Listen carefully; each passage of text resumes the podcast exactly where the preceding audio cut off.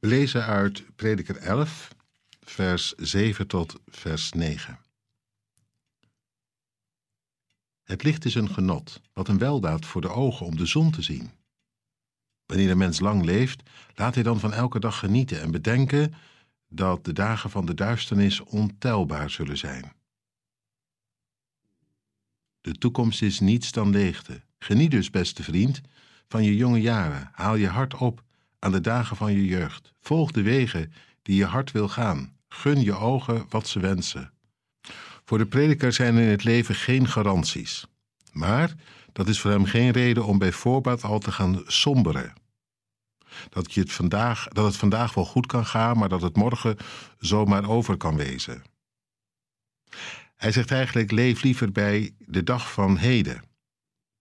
En zolang de zon schijnt in je leven, is er alle reden om daar ook met volle teugen van te genieten. Dwaas om al te gaan piekeren dat het zo niet blijven zal. Dat is net zo dwaas als wanneer je op een zonnige dag van de zon geniet, maar constant al met een regenjas aanloopt, omdat het morgen of overmorgen wel eens zou kunnen gaan regenen. Geniet van het moment. Geniet van de dingen die je worden gegeven.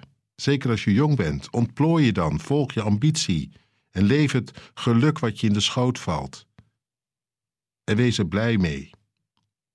Ontvangen en ontspannen en onbevangen spoort de prediker ertoe aan.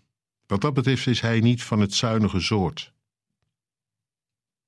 Van wie zou hij dat toch hebben? Ik denk van niemand minder dan God zelf.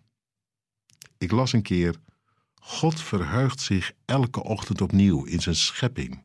Hij laat de zon opnieuw opgaan en de vogels opnieuw fluiten. En hij wordt het nooit zat, hij krijgt er nooit genoeg van. God die leeft de liefde zolang hij kan, zolang het uw dag is.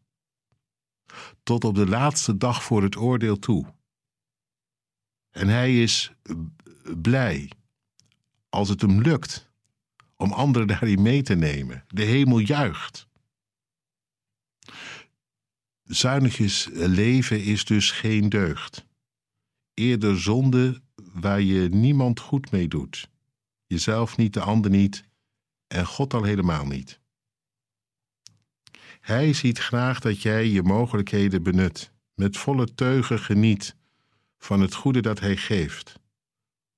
Zowel in het alledaagse en misschien vooral ook van dat extra, Zijn genade, Zijn geest, die het leven van hier en nu in een ander licht zet, er perspectief aan geeft. Hopelijk voel je aan dat het wel wat anders is dan zomaar raakleven. Genieten van het heden betekent niet dat je niet zou beseffen dat er ook andere duistere dagen kunnen komen. Dat het leven sowieso tijdelijk is.